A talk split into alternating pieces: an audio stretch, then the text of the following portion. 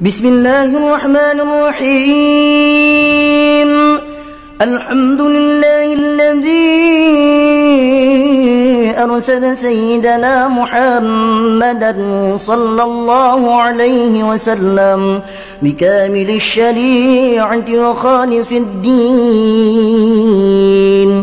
وعناجيد رسالته بباهر الخوانك وأيده بكمات الأصحاب المهتدين وخص من شاء من أتباع ملته بالرقي إلى أوج المعارف والحقائق وأفاض عليهم من محون مواهب لدنية ظرف اللطائف وشوارق الرقائق فأصبحوا هداة الأمة وقادتها إلى العزيز العليم. سالكين بعباد الله تعالى من سبل الإرشاد أعلى الصراط المستقيم. وآل الله عليه زاكي الصلوات والتسليم ووفقنا للاهتداء بهداهم والإقتداء بآثارهم والإقتباس من مشكاة أنوارهم في حلس الجهل البهيم ما أمطرت مناقبهم معابس الأسماع الواعية وتليت آي فضائلهم فكانت إلى النهوض إلى الله داعية. أما بعد فيقول المفتقر إلى فضل الكريم المنجي جعفر بن واسل بن عبد الكريم البرزنجي. هذه نبذة من أحوال القطب الرباني والغوث الصمداني سلطان الأولياء العارفين. وإمام العلماء السالكين الناهلين من بحر الحقيقة والغارفين السيد الشريف والسند الطريف الحسيب النسيب ذي المقام الأعلى والنادي الرحيم سيد شيخ عبد القادر الجيلاني رضي الله عنه الفاتحة بسم الله الرحمن الرحيم. الحمد لله رب العالمين مالك يوم الدين؟ إياك نعبد وإياك نستعين. صراط المستقيم صراط الذين أنعمت عليهم غير المغضوب عليهم ولا الضالين. بلغ الله تعالى بنفسه القوي والحفي جنة الكرب والأمان وعند نظمته من فرائد عمله وقوله لتتشرف بدرره أسماع الحاضرين عند عمل مهمه وحوله انتخمته من كلام بعض أرباب طريقا ومن له في حضرة الشيخ عقيدة محكمة ومحمدة وثيقة. كالشيخ عبد الوهاب الشعراني الذي ناح له فلاح. والسراج الدمشقي صاحب كتاب نتاج الأرواح رغبة في نشر أحوال الكمل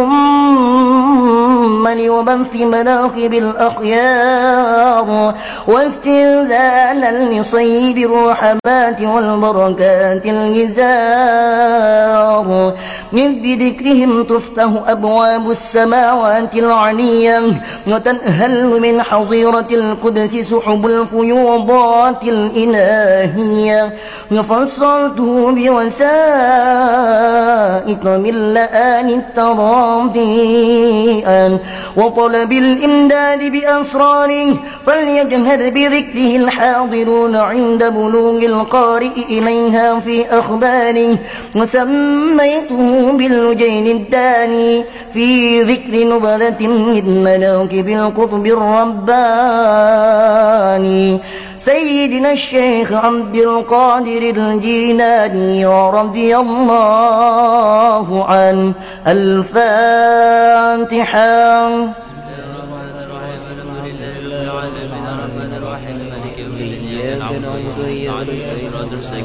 صراط الذين أنعمت عليهم ولا الضالين فنقول هو الشيخ الكامل والجهد ذو الواصل ذو المقامات العالية الشريفة والأقدام الراسخة والتمكن التام والأحوال المنيفة والكمالات الشابقة القطب الرباني والنور الساطع البرهاني والهيكل الصمداني والغوث النوراني وهو أبو محمد عبد القادر الجيلاني رضي الله عنه. الفاتحة. بسم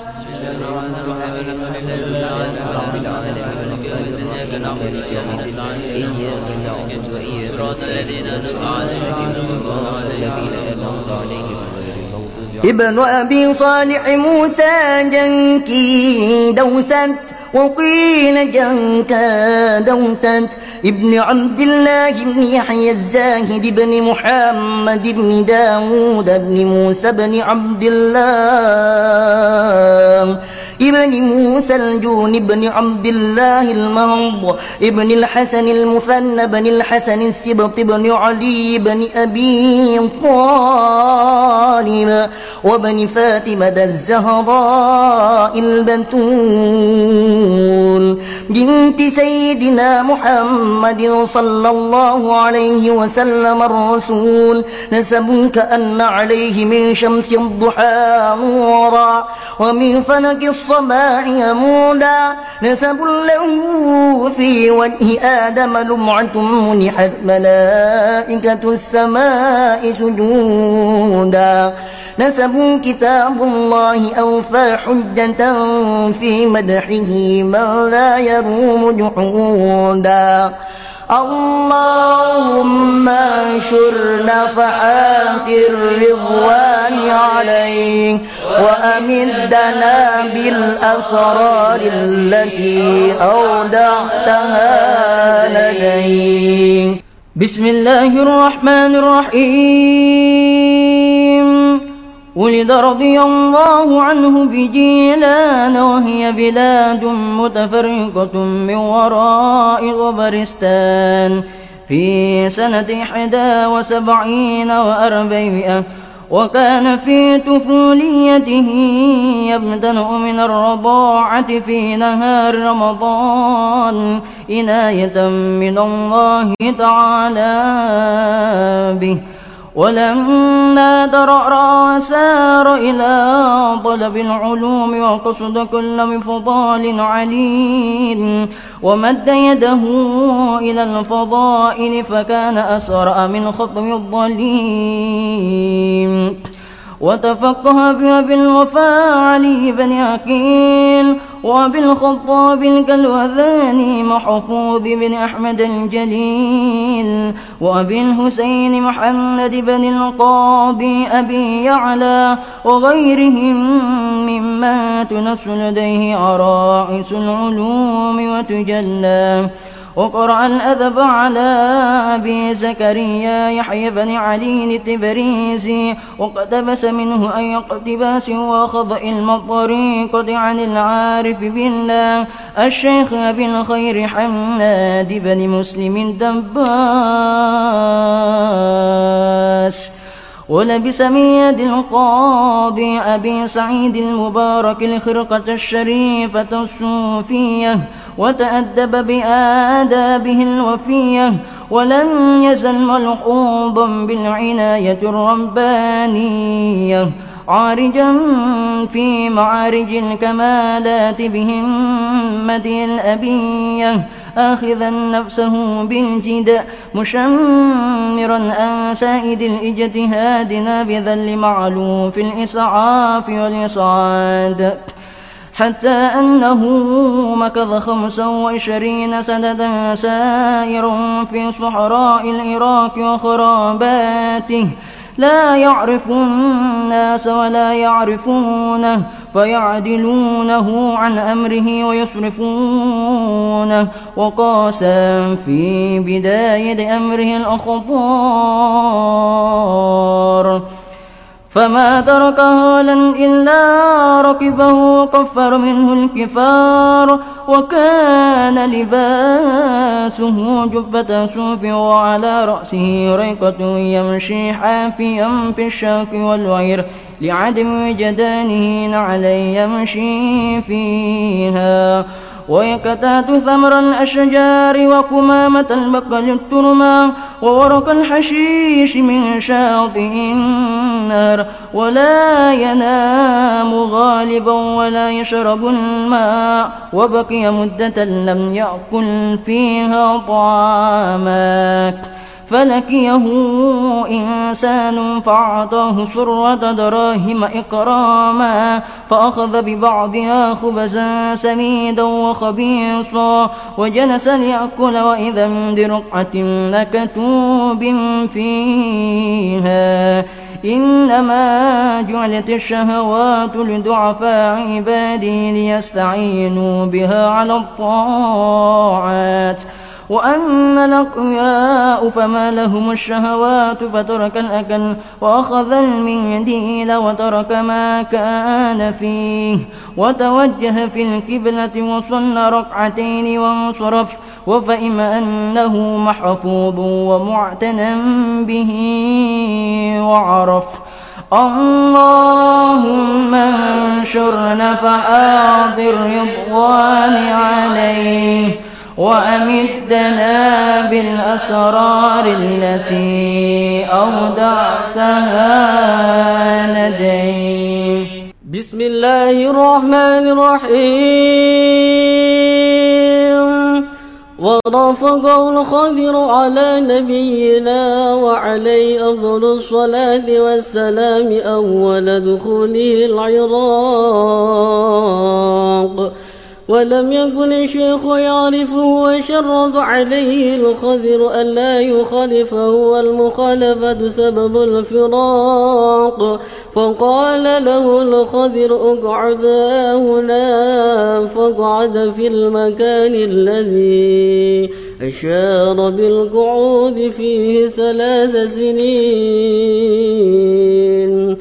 يأتي في كل سنة مرة ويقول له لا تبرح عن مكانك حتى آتيك ونام مرة في إيوان كسرى من المدائن في ليلة باردة. فاعتلم وذهب إلى الشد واغتسل ثم نام. فاعتلم وذهب إلى الشد واغتسل ووقع له ذلك في تلك الليلة أربعين مرة.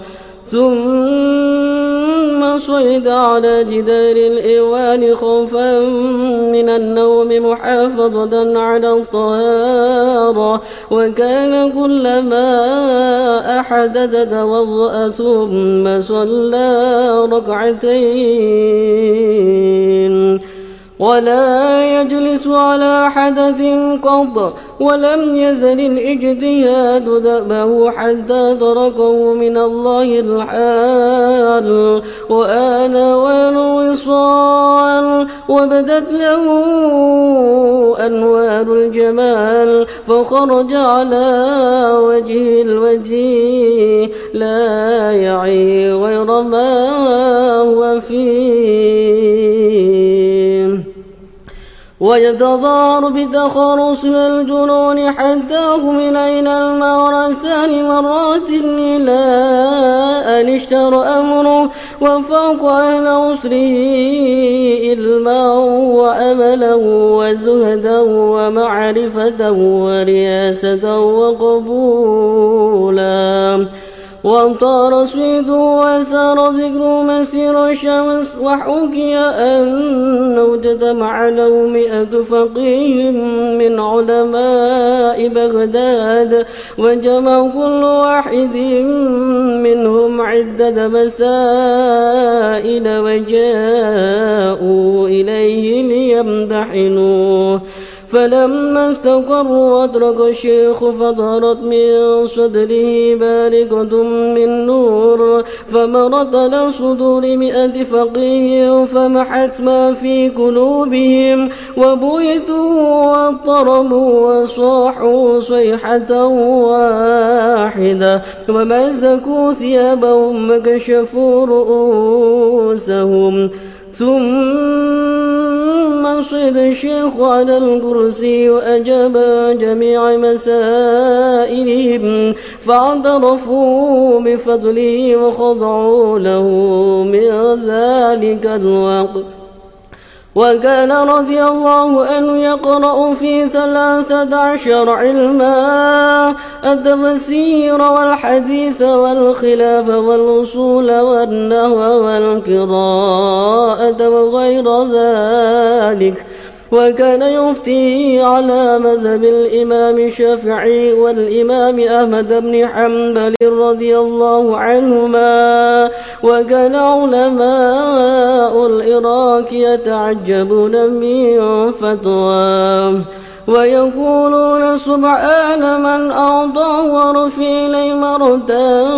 سؤال عجز العلماء عن جواب سورة رجل حدف بالطلاق الثلاث أنه لا بد أن يعبد الله تعالى.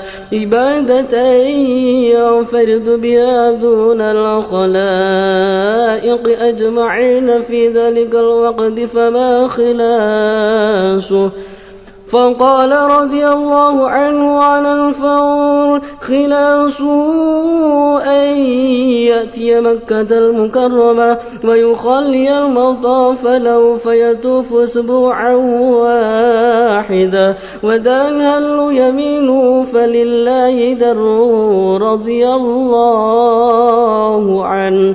اللهم انشر نفحات الرضوان عليه وأمدنا بالأسرار التي أودعتها لديه.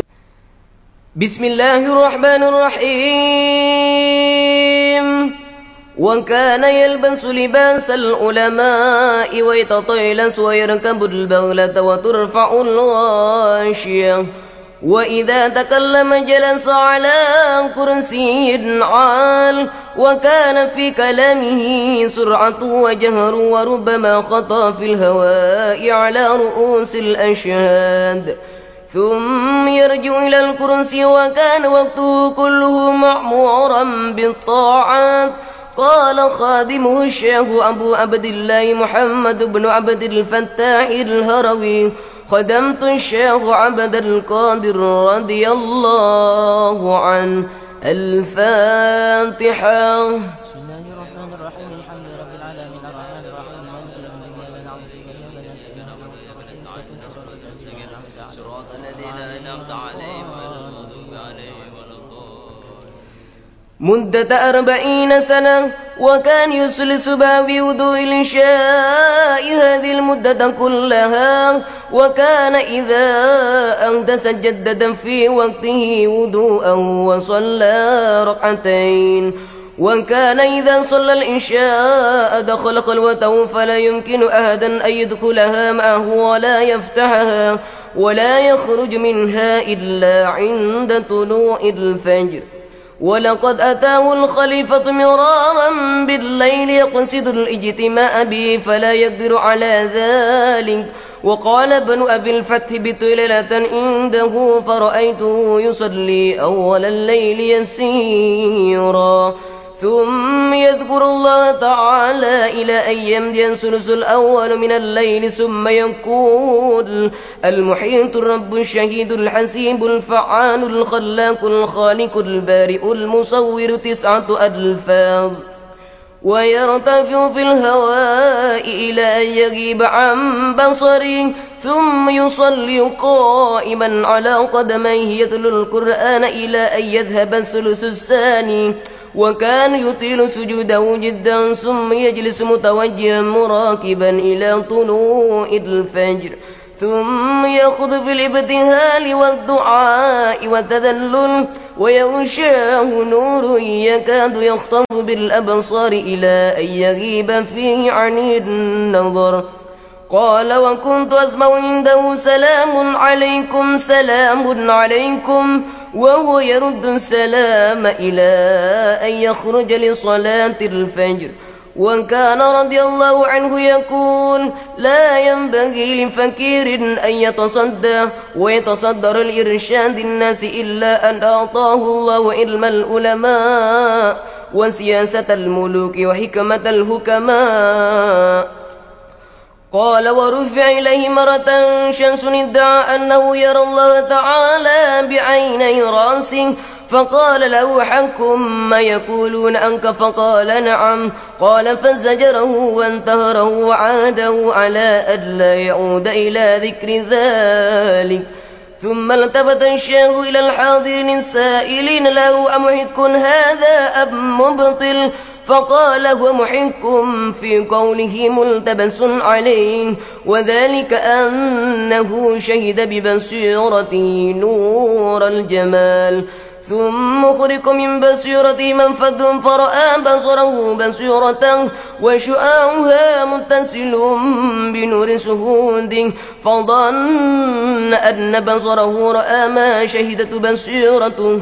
وإنما رأى نور بصيرته قد وهو لا يدري. فاضطرب العلماء والصوفية من سماء ذلك الكلام ودهشوا. قال وذكر أنه يرى له مرة من المرات نور عظيم أضاء به الأفق. وبدا له في ذلك النور صورة فنادتني يا عبد القادر رضي الله عنه الفاتحة.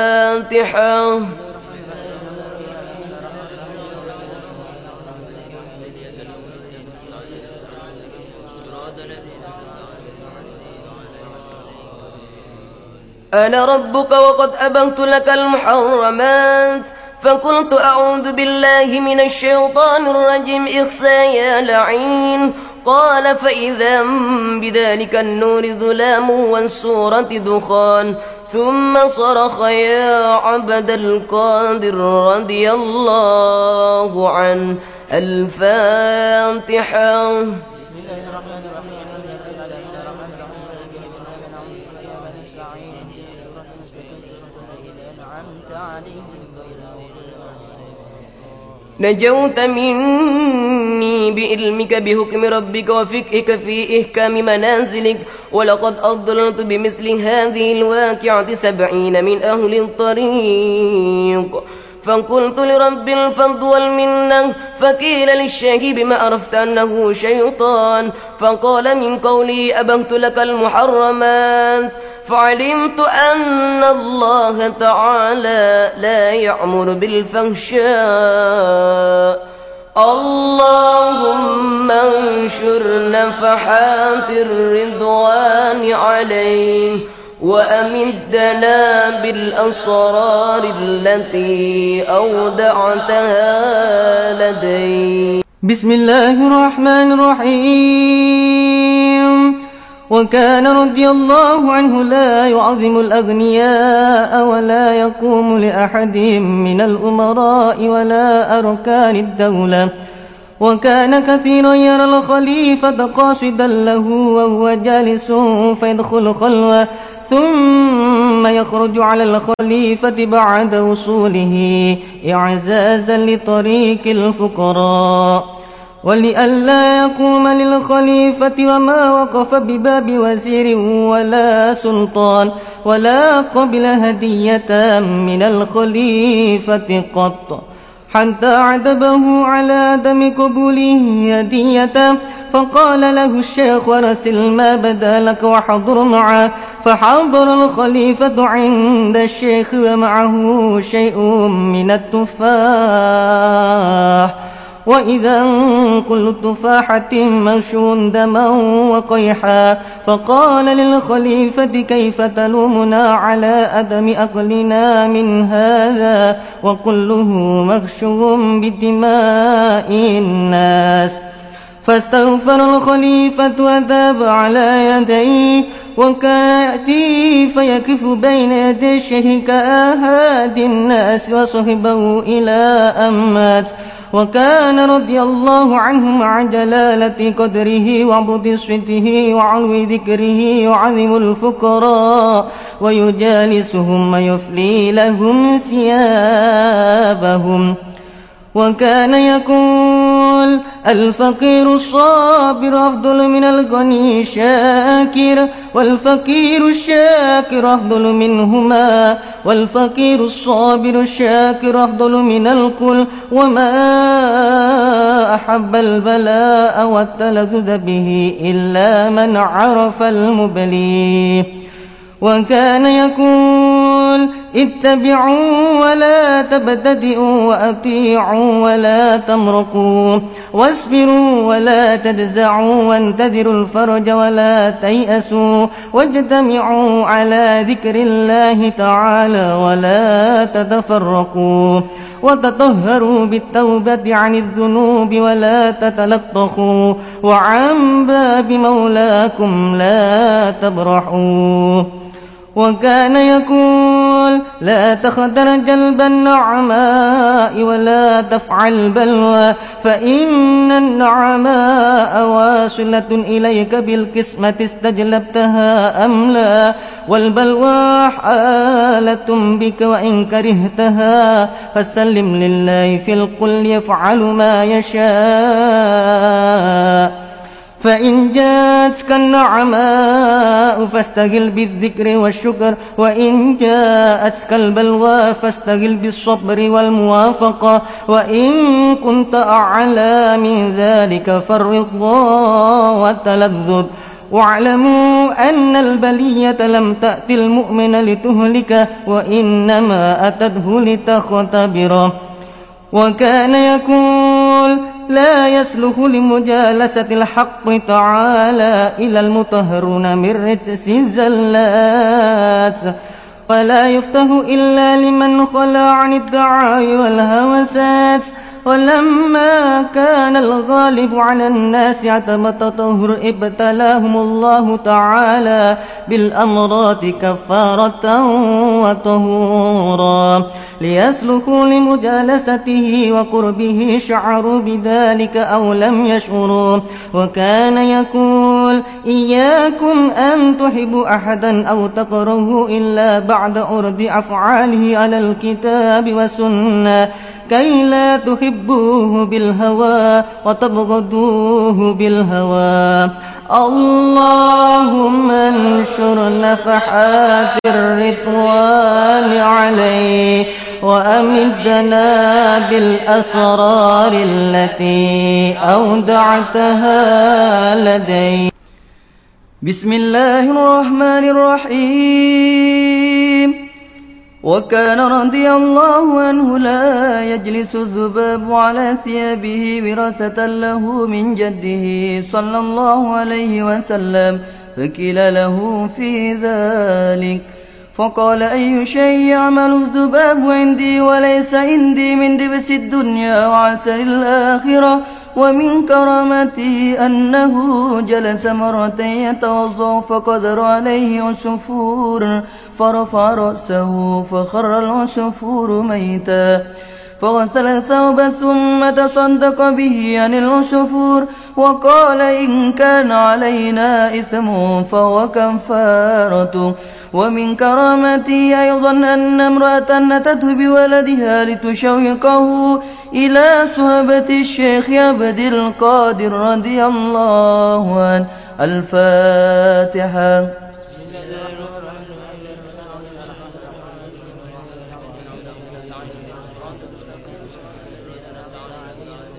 وتسلكه فأمره بالمجاهدة وسلوك طريق السلف. فرأته يوما نحيلا ورأته يأكل بش شعير ودخلت على الشيخ ووجدت بين يديه عظم دجاجة ملعوقة فسألته عن المعنى في ذلك فوضع الشيخ يده على العظام وقال لها كومي بإذن الله تعالى الذي يهي العظام وهي رميم فقامت الدجاجة سوية وصاهت لا إله إلا الله محمد رسول الله. الشيخ عبد القادر ولي الله رضي الله عنه. الفاتحة.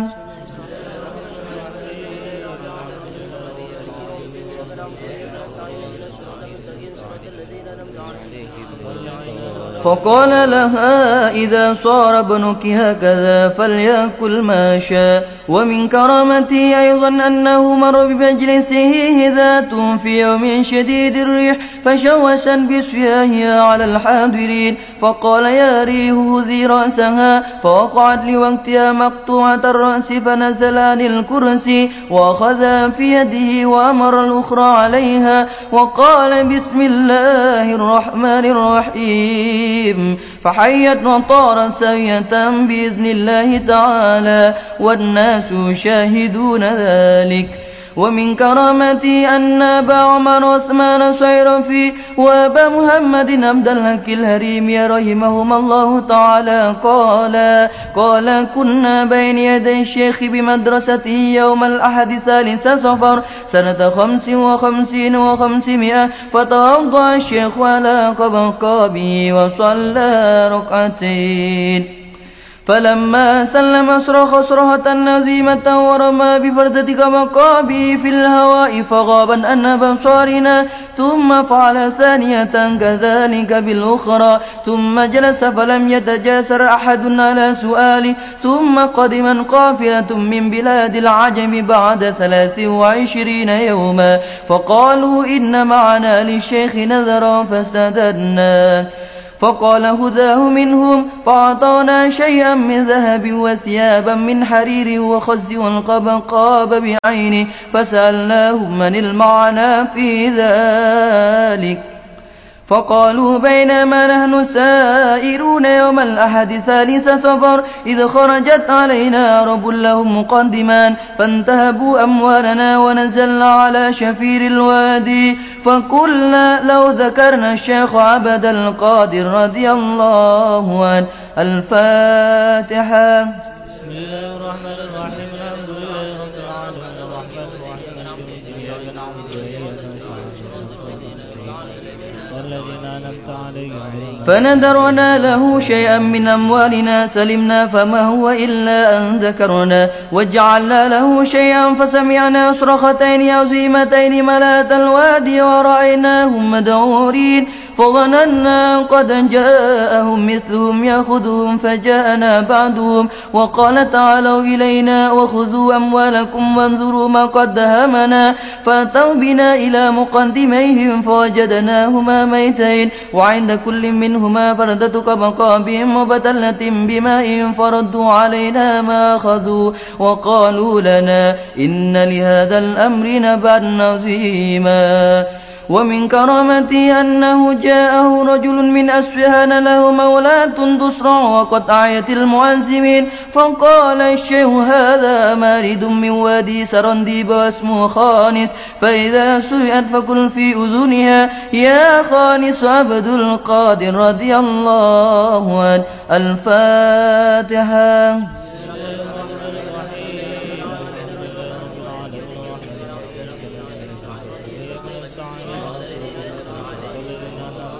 المقيم ببغداد يقول لك لا تعد تهلك فذهب الرجل وغاب عشرين سنة ثم قدم وسئل واخبر أنه فعل ما قال الشيخ رضي الله عنه ولم يعد الصرع إليها إلى الآن. وقال بعض رؤساء التعزيم مكثت ببغداد أربعين سنة في حياة الشيخ عبد القادر رضي الله عنه. الفاتحة. بسم الله الرحمن الرحيم.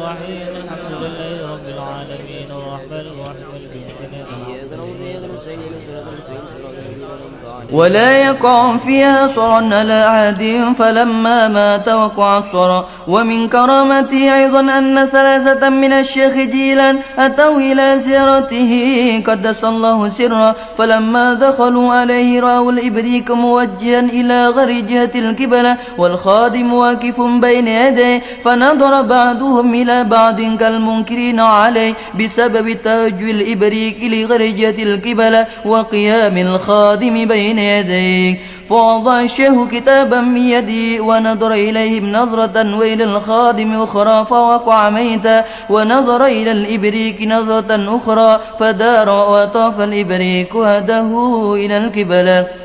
ومن كرامته أن أبا المظفر حسن بن البغداد يتجر جاء إلى الشيخ حماد بن مسلم بن دروة الدباس رحمه الله تعالى في سنة هدى وعشرين وخمسمائة.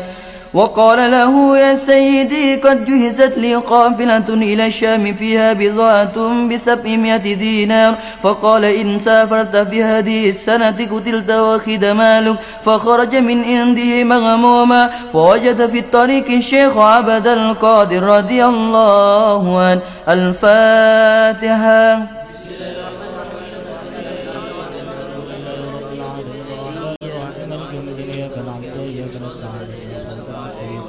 وهو شاب يومئذ فهكى له ما قاله الشيخ حماد فقال له سافر تذهب سالما وترجع غانما والضمان علي في ذلك. فسافر إلى الشام وباع بضاعته بألف دينار ودخل يوما إلى سقاية فيها لبل قضاء حاجة الإنسان.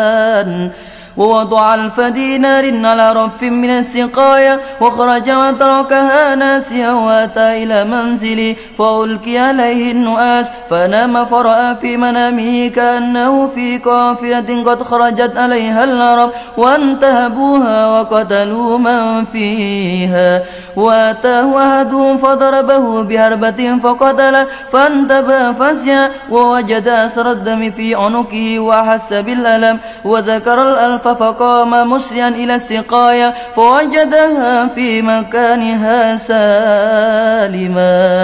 ورجع إلى بغداد فلما دخلها قال في نفسي إن بدأت بالشيخ حماد فهو الأسد والشيخ عبد القادر رضي الله عنه. الفاتحة.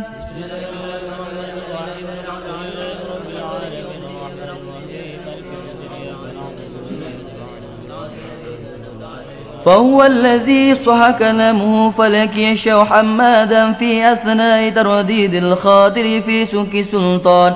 فقال له يا أبا المظفر ابدأ بعبد القادر رضي الله عنه. الفاتحة.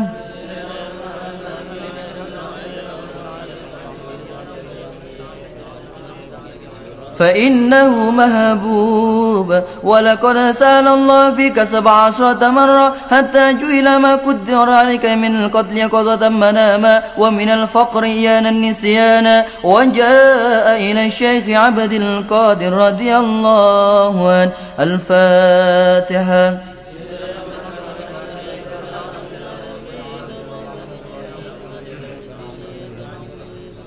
فقال له ابتداء قال لك الشيخ حماد إنني سألت الله فيك سبع عشرة مرة وعزة المعبود لقد سألت الله تعالى فيك سبع عشرة وسبع عشرة مرة إلى تمام سبعين مرة حتى كان ما ذكر. ومن كرامتي أيضا أن الشيخ علي الهيتي وشريف عبد الله بن محمد أبا الغنائم الحسني رحمهما الله تعالى دخل دار الشيخ قدس الله سره فوجد إنسانا شابا ملقا على كفاه.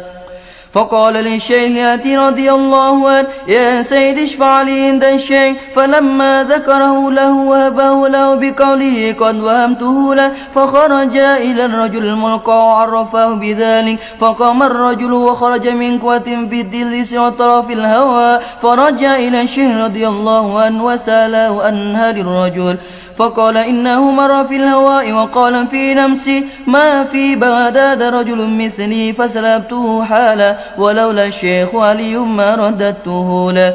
ومن كرامته أيضا أن الشيخ أبا الحسن المعروف بابن طنطة البغدادي رحمه الله تعالى قال يوم وفاة الشيخ عبد القادر رضي الله عنه الفاتحة.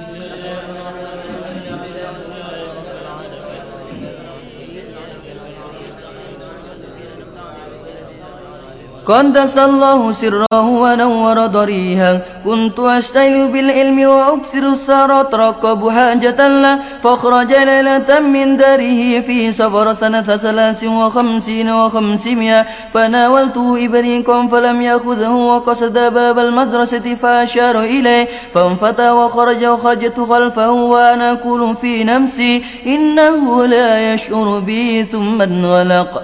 ثم باب المدينة كذلك ثم ثم مشى غير بعيد. فإذا نحن ببلدة لا أعرفها فدخل مكانا كالربا. فإذا فيه ستة من رجال قعد. فلما رأوا الشيخ عدموه وبدروه بالسلام إليه. والتجأت إلى سارية فسمعت أنينا من ذلك المكان. ثم بعد أن سكن ذلك اللنين ثم دخل رجل إلى تلك الجهة التي فيها اللنين وخرج يهمل رجلا من ذلك الجانب ودخل شخص مكسوف الرأس طويل الشارب فوقف بين يدي الشيخ فأخذ الأهد بالشهادتين وقص رأسه وشاربه وألبسه طاكية وسماه محمدا. وقال لستة قد أمرت أن يكون هذا بدلا عن الميت. فقالوا سما وطاعة ثم خرج وتركهم وخرجتما ومشينا غير بعيد. وإذا نحن عند باب بغداد فانفتح كأول مرة. ثم أتى باب المدرسة كذلك فدخل دار ثم في الغد جلست بين يديه أقرأ فمنتني هيبته. فقال يا بني اقرأ ولا عليك فأقسمت عليه أن يبين لي ما رأيت باللمس. فقال أما البلد فناوند وأما الستة فهم الأبدان النجبا. وأما صاحب الأنين فسابهم كان مريضا. فلما حضرت الوفاة جئت هدر وفاته وأما الذي حمله على عاتقه فأبو العباس الخضر عليه السلام أخذه ليتولى أمره وأما الذي أخذت عليه الأهدى فنصراني من القسطنطينية أمرت أن يكون عوضا عن المتوفى وهو الآن منهم قال أبو الحسن. وأخذ عليه الأهدى ألا أحدث بذلك اليهد ما دام حيا. وقال اهدى بمساء سري في حياتي. وذكر الشيخ عبد الله الموصلي أن الإمام المستنجد بالله أبا المظفر يوسف جاء إلى الشيخ قدس الله سرا وسلم عليه واستوصى. ووضع بين يدي مالا في عشرة أياس يحملها عشرة من الخدام. فردها الشيخ فأبى الخليفة إلا يقبلها وعلى حال الشيء فأخذ الشيخ كيسين منها في يديه وهما خير الأكياس وعسرها وعسرهما فسالا دما.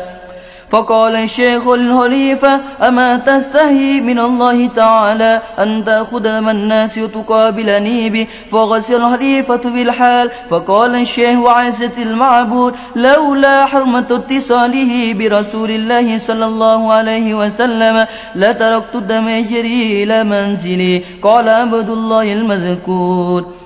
وشهدت الخليفة عنده يوما فقال للشيخ أريد شيئا من الكرامات يتلمئن قلبي. قال وما تريد؟ قال تفاحا من الغيب ولم يكن أوانه بالعراق. فمد الشيخ يده في الهواء فإذا فيها تفاحتان.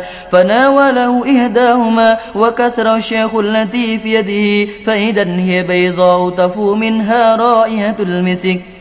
وكسر الخليفة الأخرى فإذا فيها دودة. فقال ما هذه والتي بيدك كما ترى أو قال كما أرى قال الشيخ يا أبا المظفر هذه لمستها يد الظالم فدودت كما ترى. وهذه لمستها يد الولاية فطابت. وقد تقدمت قصة التفاح الذي جاء بالخليفة للشيخ. وكرامات أكثر من أن تحصى وأعظم من أن تذكر رضي الله عنه. وأن برضاء الرفيع وأمدنا بمدد الوسيع. اللهم انشر نفحات الرضوان عليه وأمدنا بالأسرار التي أودعتها لديه بسم الله الرحمن الرحيم. وكان رضي الله عنه يقول وهو من باب التحدث بالنعمة لقوله تعالى وأما بنعمة ربك فحدث. ما مر مسلم على باب مدرسة إلا خفف الله عنه العذاب يوم القيامة وأخبر أن شخصا يصيغ في قبره فمضى إليه. وقال إن هذا زارني مرة ولا بد يرحمه الله تعالى فلم يسمع له بعد ذلك صرا وقال رضي الله عنه أسر حسين الحلاج أسرة فلم يكن في زمنه من يأخذ بيده. ولو كنت في زمني لأخذت بيدي وأنا لكل من أطر مركوب من جميع صحابي ومريدي ومحبي إلى يوم القيامة. آخذ بيدي كل ما أثر حيا وميتا فإن فرسي مسرج ورمحي منصوب وسيفي مشهور قوسي موتور لحفظ مريدي وهو غافل. وقال رضي الله عنه أنا نار الله الموقدة أنا سلاب الأحوال أنا بحر بلا سائل أنا المحفوظ أنا الملحوظ يا سوام يا قوام. يا على الجبال دكت جبالكم يا على الصوامع هدم صوامعكم أقبلوا إلى أمر من أمور الله. يا رجال يا بطال يا طفال ألم إلي وخذوا عن البحر الذي لا ساحل له.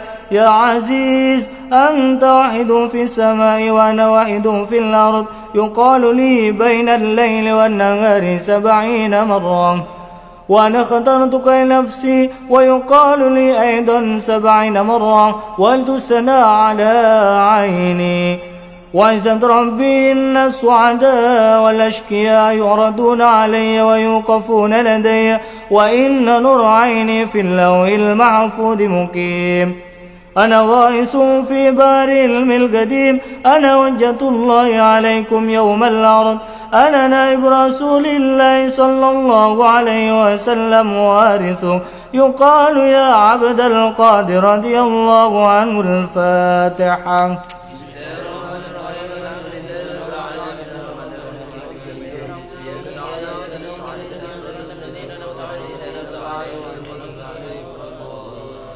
تكلم يسمى منك قال الشيخ عبد القادر رضي الله عنه الفاتحة.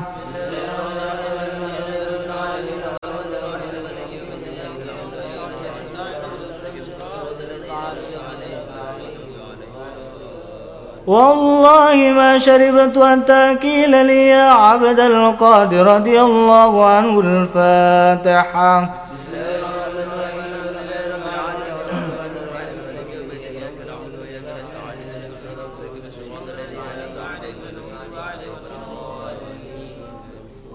بحق عليك الشرب وما أكلت حتى كيل لي بحق عليك كل أمنتك من الردى تجيء السنة تسلم علي وتخبرني بما يجري فيها.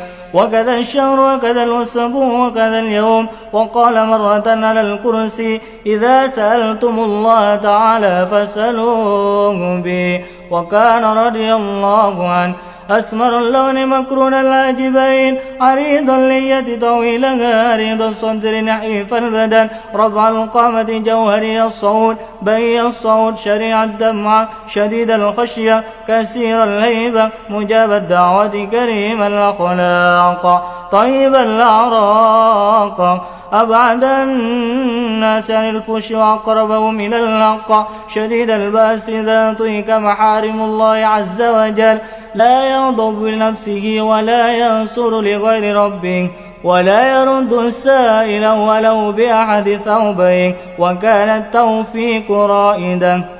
والتأييد معارضة والعلم مؤذبا والقرب مؤيدا والمحاضرة كنزا والمعرفة إرزا والخطاب مسيرا واللحظ سفيرا والأنس نديما والبست نسيما والصدق رياتا والفتح بضاعة والعلم ضيعة والذكر سميرا والمكاشفة غداء والمشاهدة شفاء. وآداب الشريعة ظهيرا وأوصاف الحقيقة سرائرا قدم التفويض والموافقة مع التبري من الحول والقوة.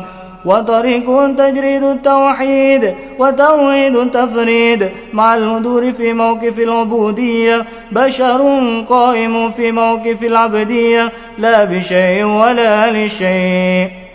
وكانت عبوديته مستمدة من معد كمال الربوبية. فهو عبد سماع مصابة التفرقة إلى مرافقة الجم مع لزوم أحكام الشريعة. وفضائله رضي الله عنه كثيرا وأحواله أثر من شمس الظهيرة وكانت وفاته دمت علينا بركته في اليوم العادي عشر من شهر ربيع الثاني سنة إحدى وستين وخمسمائة. وعمره إحدى وتسعين سنة ودفن ببغداد وقبره طاهر يزار ويقصد من سائر الأقطار رضي الله عنه ونفعنا بأجمعين. اللهم آمين اللهم آمين. اللهم انشر نفحات الرضوان عليه. وأمدنا بالأسرار التي أودعتها لديه